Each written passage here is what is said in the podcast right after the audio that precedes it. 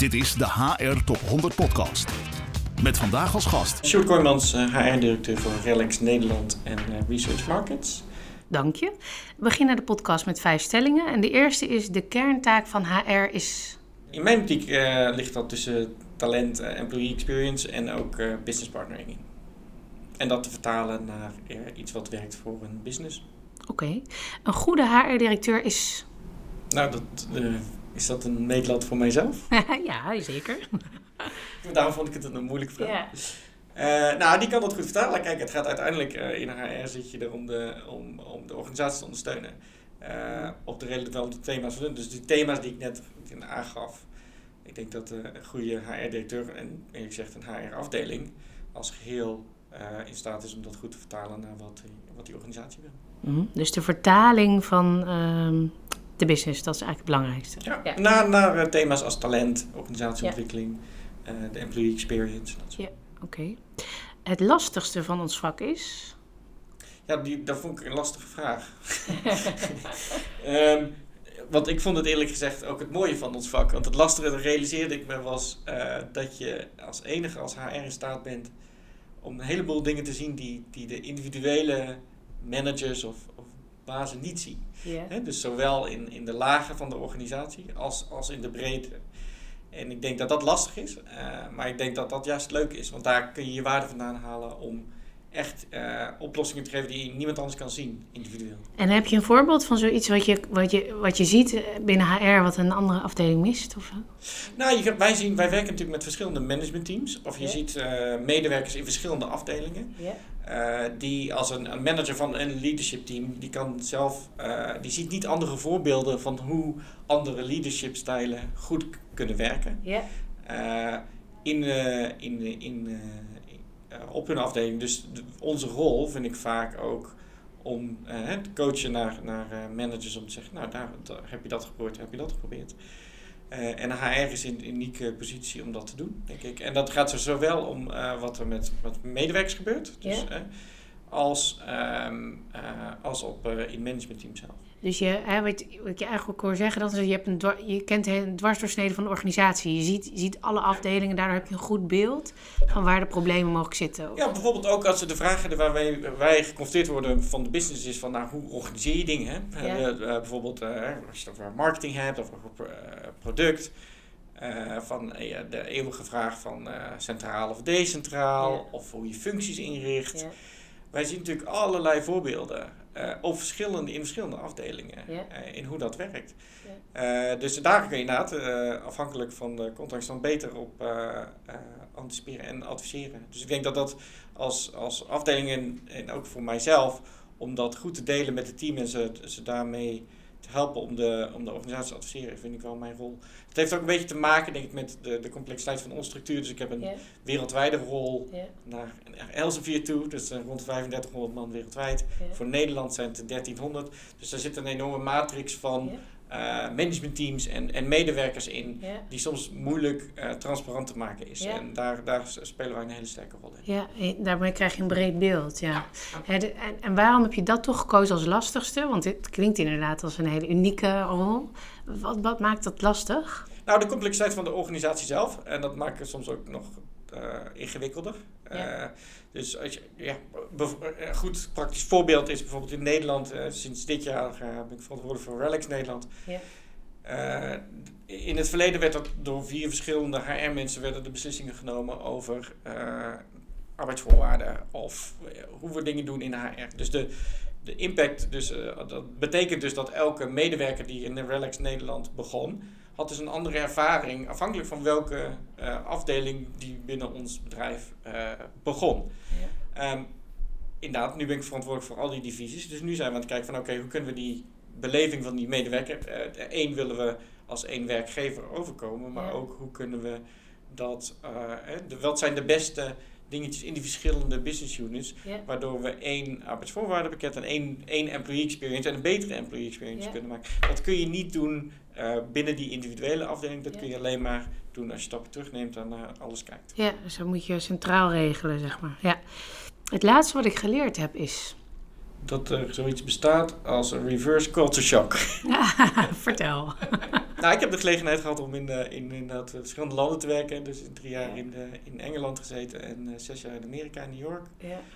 En um, uh, mentaal bereid je je op voor als je naar het buitenland gaat dat het anders gaat worden. Ja.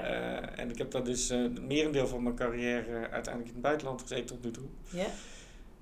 Um, en ik had me niet voorbereid op terug te komen naar Nederland en, uh, en, en uh, daar, daar ook te merken dat het uh, cultureel anders is en dat je daar niet meer aan gewend was. Ja. Dus dat, dat, ik moet zeggen dat dat, dat, ik weet niet of dat het laatste is, maar het, het laatste grote ding wat ik geleerd ja. heb. Ja, ik, en dan ben ik natuurlijk heel benieuwd, wat, um, wat, wat, zien wij als Nederlanders niet, zeg maar, wat jou opviel? Wat, wat, wat valt dan op? Dat zien we niet. Nou, ik, dacht, ik weet niet of het niet zien is. Sterker nog, ik denk dat het wat te transparant is over wat er wel gezien wordt.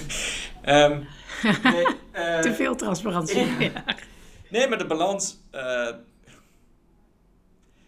ik moet zeggen, door in, in, bijvoorbeeld in Engeland zat ik in een, in, een, in een managementteam dat ondersteunde ik. En ik was letterlijk de enige Nederlander. En op een gegeven moment um, vergeten mensen dat je een Nederlander bent. Ja. Uh, en dan uh, hoor je ook de, de, de, de, perceptie van oh, ja. buitenlands over Nederlands. Want eerlijk gezegd, inderdaad, Nederlanders hebben het over het algemeen minder moeite mee om daar een mening over te vormen en niet te uiten. Ja.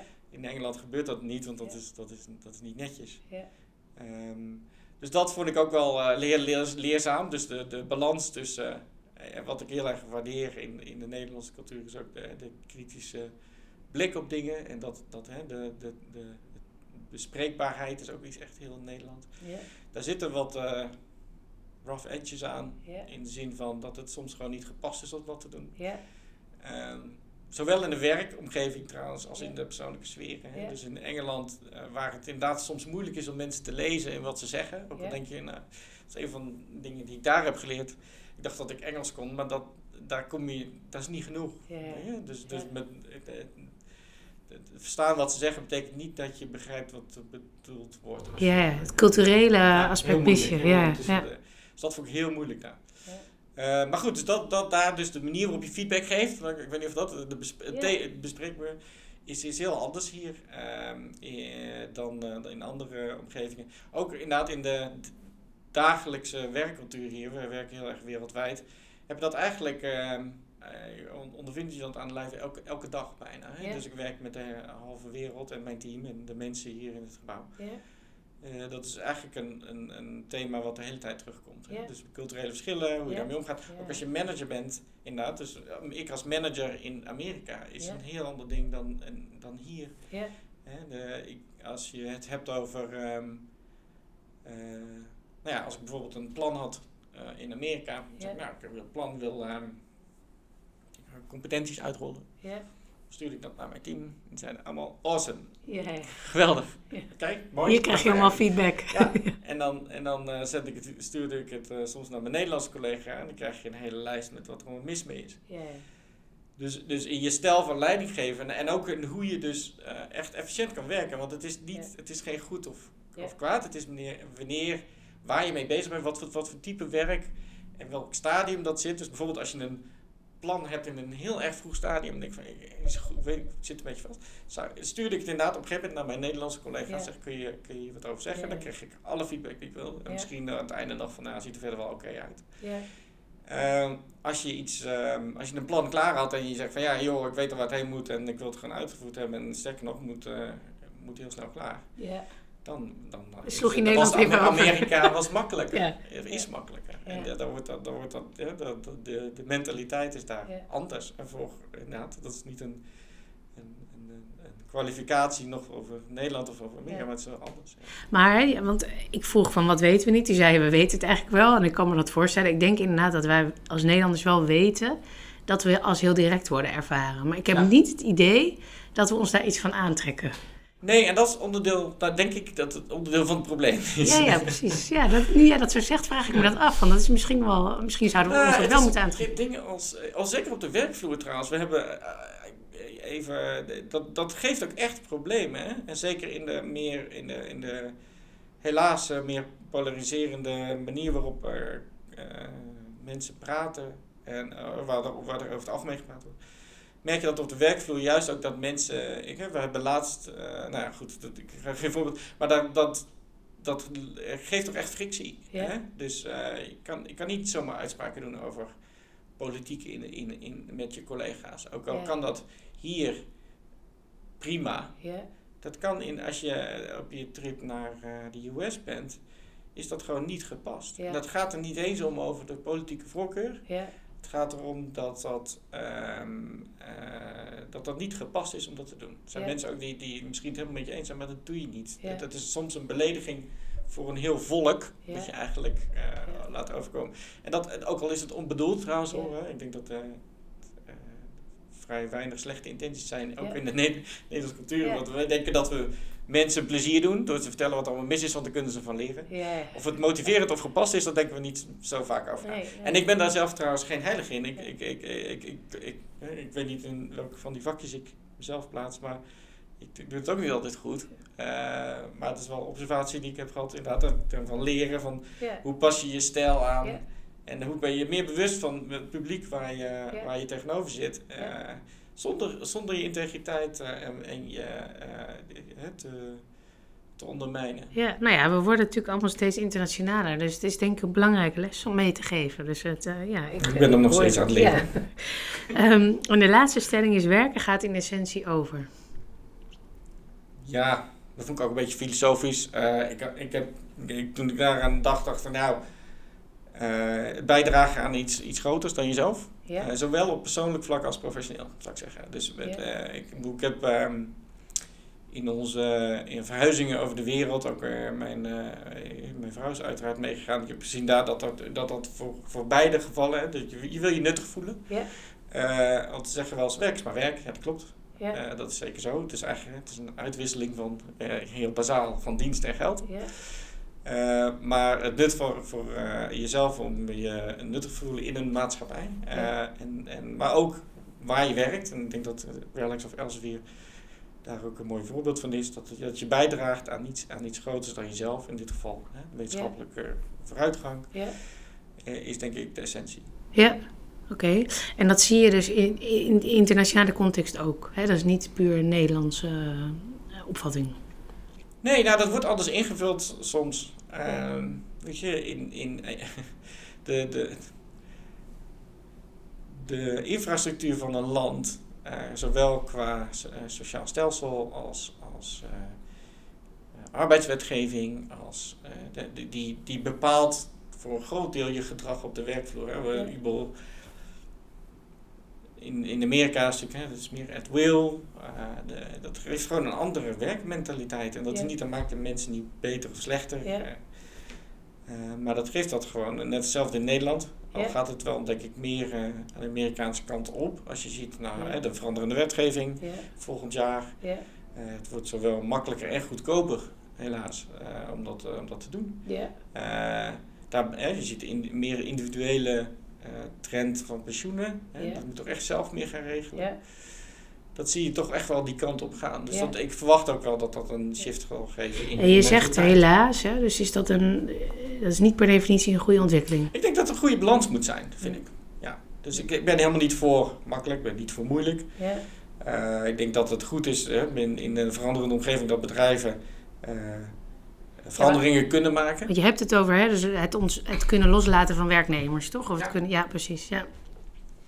Ehm, en daar, ehm, maar goed, dat, en dat gaat het is over het algemeen eh, trouwens een, ehm, vond ik een interessante, moeilijkheid, eh, moeilijke eh, les ook toen, toen ik inderdaad in de US of de UK zat. Dat, dat een goed werkgever, dat Ja. dat gewoon zich heel anders vertaalt Ja. in, in Amerika dan het, dan het hier. En zeker in dat, omdat dat tijdelijke momenten zijn natuurlijk Ja.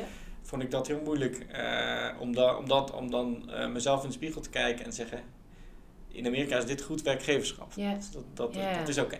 Dat is echt een andere norm. eh, Ja, ligt er. een andere norm. ja, dus dat, ja. dat, eh, dat, dat resulteert dus ook in ander eh, gedrag op de werkvloer. En, en dat gaat een beetje terug naar het voorbeeld wat ik net gaf over het feedback geven. Ja, Dat, precies. ge- dat, is, daar zit, dat is daar onderdeel van. Ja, zit een En dat- angst, een beetje angst achter. Of, Dat kan, ja, Ja. het zijn gewoon andere drivers. Kijk, ik moet zeggen dat, dat ik denk dat mensen ook in die andere landen gewoond hebben, over het algemeen heel erg hetzelfde zijn. Hoe meer, hoe meer verschillende mensen ik ontmoet, hoe meer ik denk we willen allemaal hetzelfde. We willen gelukkig zijn, we, Ja. willen, eh, we willen het beste maken van de omgeving waarin we wonen. Ja. Of dat nou in eh Cameroen of, eh, Ja. of, of New York of Londen of Amerika is, of Polen. Ja. Ehm, en, en daar maken we het beste van. Dus dat is, dat is niet anders. Dat vertaalt zich wel naar ander gedrag in verschillende in contexten, of ook in werkcontexten. Waardoor je dat dus eh, voor elkaar kan krijgen. Ja, Hè, ja. Dat, eh, maar dus, dus met andere woorden, wat ik Ja. wil zeggen is dat, dat die, die feedbackmechanismes of dat soort dingen, dat dat niet een indicatie is van iemand eh, intelligentie of, of manier van werken per definitie. Ja, nee, dus moet context en de bescherming ja. en de wet en regelgeving hebben er allemaal invloed op. Ja, ja. En ehm, hè, je vertelde net al Elsevier Relax. Kan je iets vertellen over de organisatie waar je werkt? Elsevier kennen denk ik de meeste mensen die dit luisteren wel. Maar hè, misschien toch iets even kort over de organisatie. Nou, Elsevier, eh, als ik op eh, verjaardagsfeestjes kom, dan zeg ik, ik werk voor Elsevier. En dan denken ze nog steeds dat dat tijdschrift Elsevier is. Nou, dat is lang niet, dat, dat, is, eh, dat is niet waar. Dus voor degene die naar luisteren. Ja. Ehm, dat was waar. Eh, Relax heette ooit Read Elsevier. Ja. Heeft, heeft eigenlijk vier grote onderdelen. Ja. Eh, eh, juridisch tak, die heet LexisNexis. Ja. Eh, een tak die gaat over business to business, read business information. Daar zat ooit het blad Elsevier. Ja. Dan heb je een tak die gaat over exhibitions. Dus read exhibitions heet dat. Dat is in Nederland eigenlijk heel klein. Ja. Maar die, die organiseren bijvoorbeeld een filmfestival van Cannes. Ja. Heb ik laatst ontdekt. Oh ja. Ja. niet. Ehm, en dan heb je Elsevier. Eh, en Elsevier is de, is de grootste wetenschappelijke uitgever. eh, en ik moet van onze eh, Data Analytics. Company nu van de wereld. En daar die internationale, en, en waar ik mijn, ook mijn eigen loopbaan aan, aan te danken heb, is die internationale structuur. Ja. waar, wat dat mogelijk heeft gemaakt. Dus daar, daar zie je zien, eh, binnen Elsevier wereldwijd hebben we 7000 man. Relax wereldwijd 30.000. Ja. Wat een Eh, in mijn team inderdaad eh, ondersteunen we ongeveer de helft wereldwijd van de Elsevier-organisatie. En ik heb inderdaad voor Nederland specifiek een Relax verantwoordelijkheid. Dus binnen mijn Nederland verantwoordelijkheid valt ook Read Business en LexisNexis. Ja. Ja. Eh, dus dat is een beetje de mix. Dus als je het hebt over de dynamieken die ik net be- besprak, dan zie je dat dus ook een beetje terugkomen. Ik heb een hele erg Nederlandse, ik zit met vakbonden, Ja. ik zit met, weet je, als je het over culture shock wil hebben, ik zat dat dag één volgens mij toen ik terugkwam uit de Oh ja. zat ik met de vakbond ook echt. Ja. Dus toen ja. dus ik moest ik even Dat de weg kan ik me weer vinden. voorstellen. Ja. Ehm, en en, en eh, aan de andere kant zit ik in een enorme global organisatie waar mijn businesspartners en mijn team wereldwijd eh, HR eh, ondersteunen Ja. eh, in de managementteam. Ja, en ik, ik snap ook beter nu jouw opmerking over zichtbaar. Hè? Dus dat je, dat je dingen ziet, hè? omdat je natuurlijk door de hele organisatie kijkt. En hoe is HR georganiseerd? Hè? Want je gaf net al aan dat je sommige dingen wat meer wil centraliseren. Maar hoe, hoe ziet die HR-organisatie er nu uit? Nou, we hebben inderdaad eh, de businesspartners. Ja. Hè? Dus in- inderdaad voor Elsevier hier vier global HR business partners, zoals wij ze noemen. Eh, die ondersteunen dus global management teams. Maar Ja. die hebben dus mensen in soms wel twintig landen. Ja. hè. En waar dus ook weer lokale HR zit hè, voor Ja. de uitvoering. En de, dan heb je nog voor, inderdaad voor de niet-Elsevier divisies heb je Read Business en LexNexus. Daar hebben we HR business partners Ja. met meer lokale Ja. HR wat er gedaan wordt. Dan heb je daarnaast, zoals ze noemen, Centers of Excellence. Dus dan Ja. hebben we recruitment, Ja, eh, shared services, payroll, benefits. ja, ehm, dan vergeet ik vast iets. Employee relations. Ja. eh, dat soort dingen. En, en talent development. ja, Eh, dat is sinds, sinds kort probeer ik dat meer rond Relax Nederland te organiseren. Zoals de, eh, want omdat wat ik in het begin beschreef van de verschillende manieren van werken en dat we dat toch beter willen maken, zeker om de, de, de employee experience veel be- beter te maken. Ja. En ook als werkgever eh, eh, wat mo- moderner over te komen eh, in, in het type mensen wat we aannemen. Mhm. Ehm, eh, zijn we daar dus heel erg mee bezig. En daar probeer ik dat bij elkaar te, ja. en de beste plannen van de vier divisies bij elkaar te En wa- waarom moet dat verbeteren? Zeg maar, wat, wat, wil je, zou je daar graag in willen zien of in- willen veranderen? Nou, de pop- onze populatie is dramatisch aan het veranderen, eigenlijk in Ne- zeker in Nederland. Maar Ja. over het algemeen, global voor Elsevier, ja, we zijn ehm, traditioneel eh, een uitgever, was gaan heel lang. Elsevier, de wetenschap, is volgens mij 140 jaar of zo. Ja, een van de oudste. Rijke historie, ja. Rijke historie, ja. inderdaad. Ehm, en nu, inderdaad, de populatie in Amsterdam bijvoorbeeld. eh, gaat, we zijn nu een tech hub aan het bouwen van rond de, in, eh, sinds vorig jaar. Dus in drie jaar willen we meer dan 200 mensen, technologie mensen aannemen. Ja. Waar je dat letterlijk daarvoor, was dat 30 of zo? Ja. denk ik? Ja. Veel Dus meer IT-bedrijf. Ja, Ja, dus ja, voor ja, engineers. ja. We doen heel veel met artificial intelligence, eh, machine learning, dat soort dingen. Eh, dus dat, dat, gaat, dat heeft gewoon een enorme impact op eh, hoe, je, hoe je jezelf organiseert. Ja. Hoe, wat je cultuur is, hoe, Ja. je, Ja. hoe je meer eh, hoe je, je arbeidsvoorwaarden inricht. eh, hoe je letterlijk hoe je je kantoor inricht. Bedoel, je moet eens voor de grap naar de 21ste verdieping, weet je, dat is meer tech. Ja. Hoe je werkt letterlijk, dus in, in die, in, ik weet niet, ik weet soms de Nederlandse term niet. Ja, in de mag in squats en zo, weet je hoe je dat, dat heeft een enorme impact. Eh, ook, maar ook daar, hè, en voor mij is dat ook onderdeel van het belangrijk thema hè, rondom eh, hoe je eh, inclusive eh, dingen ontwerpt, weet je, dat er ook weer niet te veel focus op alleen die groep komt. Hoe, Ja. hoe keten je naar al die groepen toe? Ja. Eh, dus dat is een van de belangrijkste. Het ons, ons, de, letterlijk onze, de populatie in Amsterdam zal de, de, de hele opzet daarvan is gewoon over eh, een paar jaar is, is anders. Ja. Eh, inderdaad, eh, meer gericht op eh, platform, op data analytics, Ja. eh, die we verkopen naar eh, universiteiten, maar ook ziekenhuizen. Ja. dat dingen. En wat is specifiek voor die doelgroep eh, relevant? Wat je moet aanbieden of wat anders Nou, is dan? het is inderdaad. dat- Ik denk dat er heel veel, of het merendeel van de mensen die we aannemen in die tech hub momenteel is, is niet Nederlands. Ja. Eh, de- de- het unieke aan Elsevier of Welk in Nederland is, is dat nou, je hoeft geen Nederlands te spreken, Ja. niet te werken. Ja. Dat het zo internationaal is. Ja. Dat vraagt gewoon andere dingen. De mensen, mensen die, die, zitten, die hebben niet zo'n lange termijn view. Die weten nog niet of ze hier gaan blijven. Dus die hebben allemaal vragen, waarom moet ik in dat pensioen? Eh. Waarom, eh, weet je, kan ik dat meenemen als ik wegga? En dat soort dingen. Kun, we- kun, je me helpen met mijn 30% regeling? Maar, het, ik, maar de trend is meer van, ik, ik wil zelf meer keuzes maken. Eh. Waar, waar eh, de, traditioneel eh, heel veel georganiseerd is. Ja.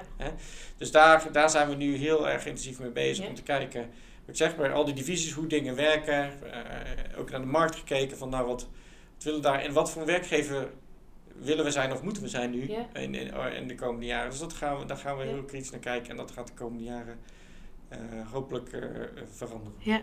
En wat voor werkgever willen jullie zijn? Dat is wel een hele brede vraag natuurlijk, maar wat zit erin? Nou, wij zijn. Ik, ik twijfel een beetje omdat eh, de,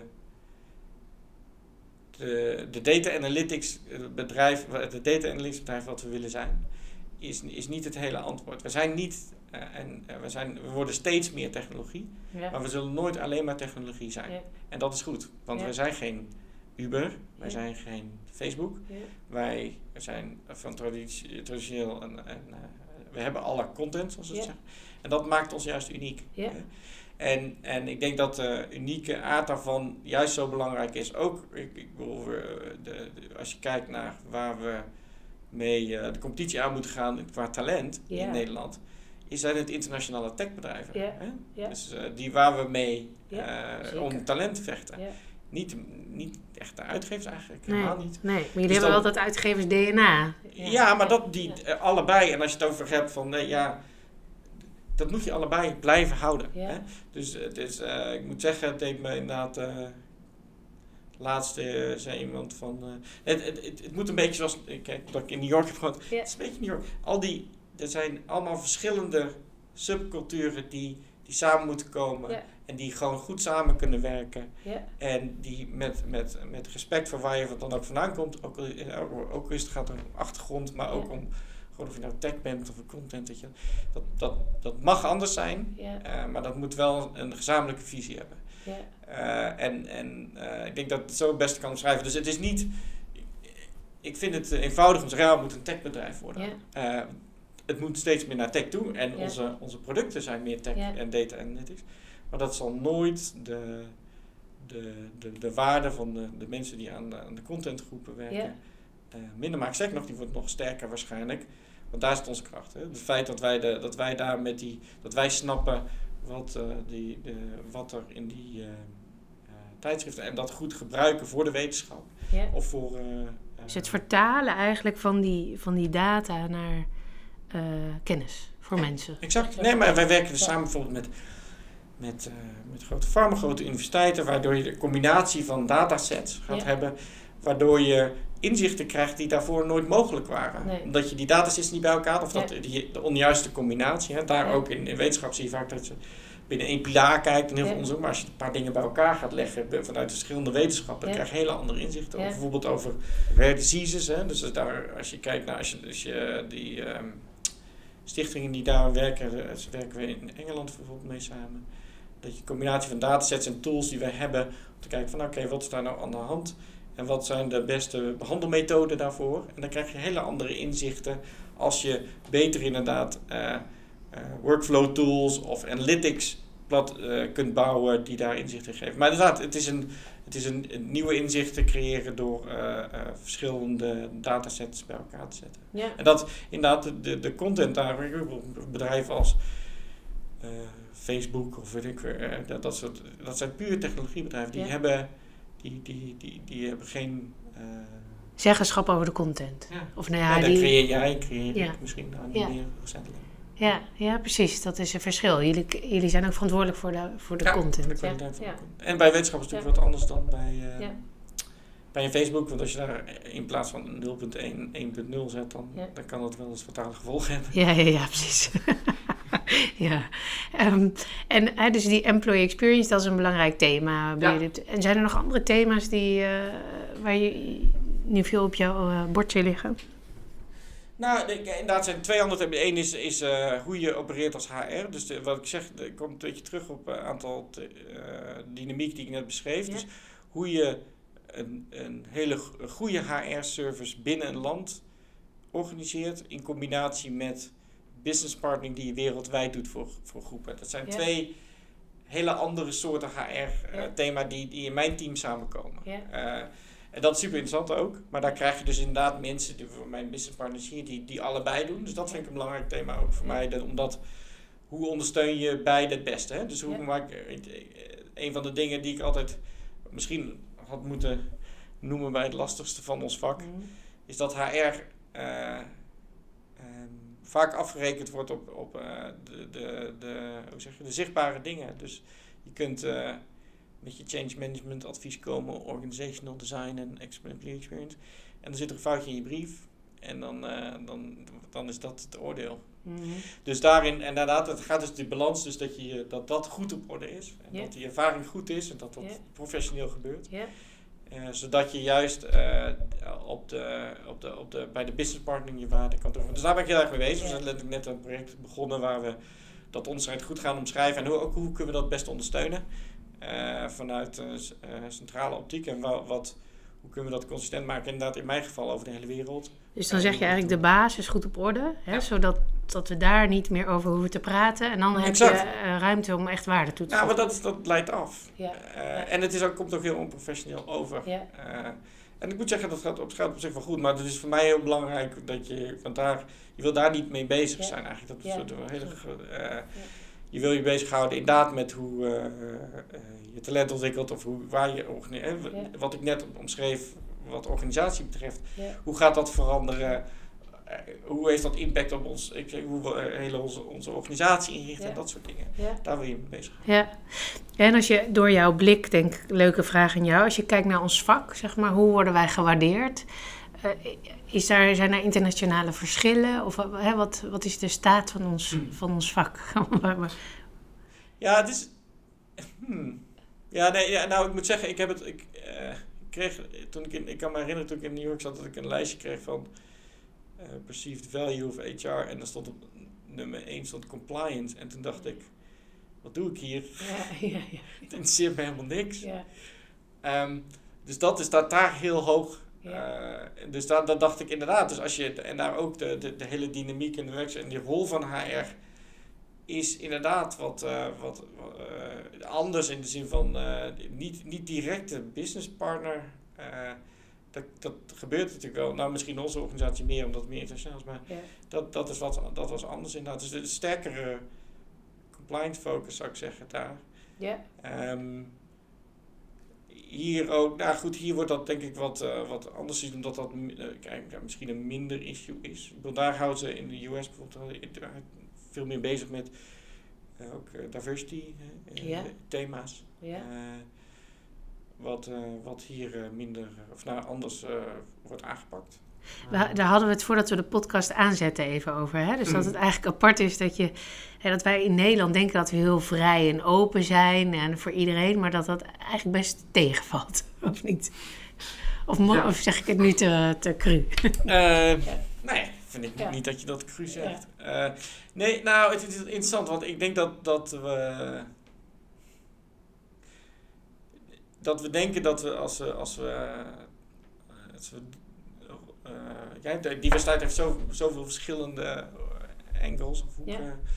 Zeker. Waar, waar, waar bijvoorbeeld eh, eh, gender, dus, dus eh, vrouwen, eh, equality, en dan heb je dus LGBTQ, Ja. dus eh, Ja. gay. Ik denk dat, dat, dat daar heel veel rondom gebeurt Ja. in Nederland en Ja. wereldwijd. Dat zijn ook thema's die je wereldwijd kan definiëren. Ja. Dus daar, daar, daar zit zeg maar wel een... eh, maar dan heb je nog een heel spectrum daarbuiten. Als je het hebt over ehm, minder kansrijke mensen door, die door, gewoon door omstandigheden niet dezelfde kansen hebben gehad eh, ja, als jij en ik. Ja. Dat is in Amerika wat duidelijker gedefinieerd. Hè? Dus daar heb je inderdaad bijvoorbeeld eh, African Americans of Hispanics. En dat soort. Wordt zelfs gemeten door de, door de overheid op een Ja. jaarlijkse basis. Ja. Dat heb je hier niet. En dat wordt dan ook niet gezien als een, als een, als een probleem, lijkt het. Wat, wat, waar, ik, waar ik dus inderdaad een van de thema's die ik volgend jaar probeer te tackelen met het team is... Wat, wat, wat is de rest? Of de rest, een hele belangrijke groep voor mij. Dus met andere woorden, wie zijn de... eh, misschien wel hele getalenteerde eh, mensen, maar die toevallig... eh, nou, ik heb toevallig to- laatst met een organisatie gesproken die hoogopgeleide Syrische vluchtelingen in. Nederland begeleidt. Die dus er gewoon hun land uit moesten, maar die, en die hartstikke intelligent zijn, maar die, die niet hun weg weten te vinden. En, ja, dus dat soort thematiek vind ik dus interessant. Wat dat, hoe zich dat vertaalt naar Nederland. Dus, Ja.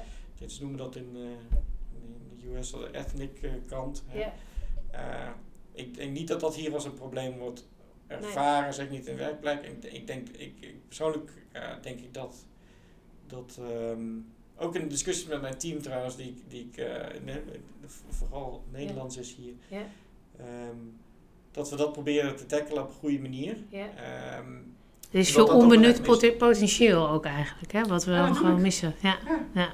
Ja, puur alleen dat het ongemakkelijk, eh, Ja. ik denk dat, dat, dat, dat merk ik nog wel hoor, dat eh, daar heel veel eh, ongemakkelijkheid in zit. Dus zie je nog, het laatste was ook inderdaad in het nieuws over kansen, afhankelijk van welke naam je hebt, of, Ja. je, of je cv überhaupt, Ja. of je op gesprek Ja. komt, onafhankelijk van je achtergrond. Dus daar vind ik wel een interessante thematiek, voor, specifiek voor Nederland. eh, omdat dat, ik heb dat nog nooit niet, behalve eh, probeer met wat organisaties te praten nou, om, dat, om dat te tackelen. Ja. Dat is alles buiten die, die andere, dus eh, Ja. LGBTQ en, Ja. en, en, en vrouwen. Hoe we dat het beste kunnen. Wel grappig, ik doe natuurlijk al jaren deze interviews en ik zie dat diversiteit wordt wel altijd genoemd als thema. Maar eigenlijk eh, altijd na een ander rijtje. Dus de urgentie op een of andere manier lijkt inderdaad... Nou, hoor voor mij, nou, kijk, eh, wat ik, wat ik laatst, eh, had ik misschien ook moeten zeggen bij wat ik heb geleerd. Eh, diversiteit aan zich is, is niet het belangrijkste. Het is eh, voor mij, en dat heb ik geleerd van mijn recente collega. Het, het gaat over dat je, dat, dat je een inclusive en, en, en, en, en, en, veilige werkplek hebt. Waar ik daadwerkelijk van geloof dat het eh, een meer waardevolle discussie oplevert. En daarmee dus ook goed voor het bedrijf is. En meer revenue oplevert. Dat soort. Ja. Daar geloof ik echt dat er iets, iets meer van komt. Te- Diversiteit is een manier om, om, om- is, is, is daar onderdeel van.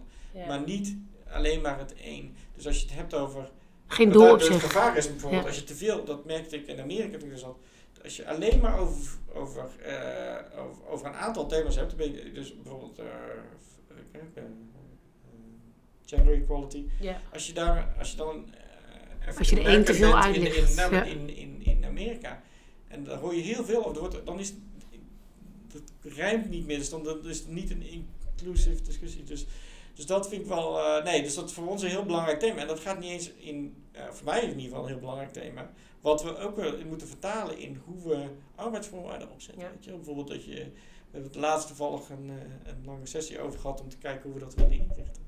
Dat is een van de uitgangspunten. En dat klinkt, dat is niet een zeg maar filosofisch ding. Dat is oké, we bieden dit aan, bijvoorbeeld rondom maternity, heel veel als je nog geen kinderen hebt. Ja. Ja. Ehm, of, of we bieden heel veel aan voor jonge, voor techmensen. Ja, maar we, wacht, er is een groeiende populatie die, Ja. die, eh, eh, die ouder wordt, die, die misschien vast komt te zitten. Ja. Wat doen we daar dan mee? Ja. weet je? Dus dat, soort, dat is voor mij ook eh, inclusion. Ja. Dat Dus het gaat meer over inclusiviteit wat jou betreft dan diversiteit. Ja, Ja. het, een, het, het moet Ja. samen gaan. Maar Ja. dat als de, diversiteit is, is, is, is eh, niet waardevol als je niet een inclusive culture Nee. hebt. Oké. Helder. Hè? En die, en die, je zei we worden meer een techbedrijf. Dat zie je natuurlijk bij heel veel organisaties. Er zijn natuurlijk heel veel. Hè, techni- technologie heeft een hele grote invloed op eh, hoe we ons organiseren. En misschien ook wel op de rol van HR. Zie jij de rol van HR veranderen in de toekomst? Bijvoorbeeld door dat soort ontwikkelingen? Of denk je wel dat het constant blijft? Nou, dat, dat, we begonnen met eh, wat, wat de kerntaak van HR is. Die kerntaak van HR gaat niet veranderen, denk ik. Nee. Eh, die gaat, je hebt andere manieren om het aan te fietsen. Weet je? Ik, bedoel, je hebt, eh, ik moet zeggen, de, de HR Analytics, ik bedoel, eh, ik zeggen, heb ik meer over gehoord omdat ik daar echt nuttige dingen van gezien heb. Ja. Dat gezegd hebben, ja. recentelijk, en ik neem geen credit voor, maar een collega van mij, hebben, hebben een hele datapool gebouwd waarin, waarin je dus relaties kunt leggen tussen eh, employee engagement, eh, een aantal lagen in de organisatie, wat span of control is. Ja. Super interessant. Ja. Dat was voor het eerst dat ik eerlijk gezegd, eh, dat, ik, ik zeg, voor het eerst dat ik dat interessant. Dus meer van dat, want daar, maar goed, dat gebruik je om je fundamentele taak uit te Ja, voeren. ja, ja. Als Ja. hoe moet deze organisatie eruit zien? Eh, eh, En, en hoe, hoe eh, krijgen we een engaged work- workforce? Maar dat, dan gebruik je veel meer concrete. Inderdaad, het is niet, het is niet een one size fits all. Maar je kunt bijvoorbeeld zeggen: weet je, als je alleen maar. Als je te veel lagen in je organisatie hebt, is dat niet goed voor je communicatie bijvoorbeeld. Hè? Want dat Ja. is moeilijk om mensen te bereiken. Dat is heel Ja. logisch. Dat Ja. sense. Ja. Maar goed, wordt, de- de- om de, de combinatie van die data bij elkaar te zien, om daar dan te zeggen van nou, hoe, wat, wat voor een probleem inderdaad. Het is niet een, een, HR-tool om een HR-tool te hebben, zeggen van, hey, is, maar wat horen we in de organisatie, wat is het probleem? En als we dan naar data kijken, kunnen we daar dingen in vinden om dat op te lossen. Dus dat, dat, eh, ik denk dat dat wel meer gaat veranderen. Eh, nou ja, we zijn bezig met eh, inderdaad een HR-systeem, een nieuw, meer up-to-date, maar dat is niet... ja, als Workday gaan we binnenkort krijgen, dat is ook wel meer, zaten al een oude versie daarvan. Inderdaad, en de arbeidsvoorwaarden, dus wat ik zeg, dat, Ja. om dat, om dat Je individueler. meer, modern in te richten. Ja. Waar je inderdaad niet meer een, eh, niet, niet als werkgever zegt, je, dit, dit, zo moet je doen. Nee, Ja. dat- je moet het kader bieden voor mensen om meer keuze te hebben. Ja. Ehm, dus dat, dat zou ik zeggen. Dat, maar inderdaad, de fundamentele thema's, als ik eerlijk ben. We zijn een redelijke business partner in, dus we zitten hier dus wel aan de managementteamtafels al Ja. traditioneel. Ja. Dus dat was niet een... Nee. eh, nou goed, doen we dat, de, de, dan kunnen we nog steeds beter doen. De waarde die we toevoegen, waar we het eerder over gehad hebben. Ja. En hoe we onszelf organiseren daaromheen. Dus, maar dat gaat fundamenteel denk ik eh, inderdaad niet veranderen. Nee, oké, helder. Dankjewel. Nou, volgens mij we- kunnen we nog heel lang doorpraten, maar hebben we wel Ja, de kunnen we wel belangrijkste dingen eh, wel genoemd? Of is er nog iets wat ik vergeten ben? Dat weet, alleen jij hebt er meer gedaan dan Ja, ik. nou ja, nee, nee, ja, ik, ik denk het niet. Ik denk dat we een mooi beeld hebben. Ik, vind- ik vind het ook wel een, eh, leu- leuk om jouw internationale blik op, eh, op Nederland te horen. Ik denk dat mensen daar veel eh, aan kunnen hebben. Dus heel erg bedankt Ik hoop, voor een mooie dat ik podcast. daar inclusief in geweest Ja, ben. precies. Nou, zeker. Nee, zeker. Ik denk dat dat heel eh, leuk en nuttig is. Dus hartstikke bedankt. Dit is de HR Top 100 Podcast.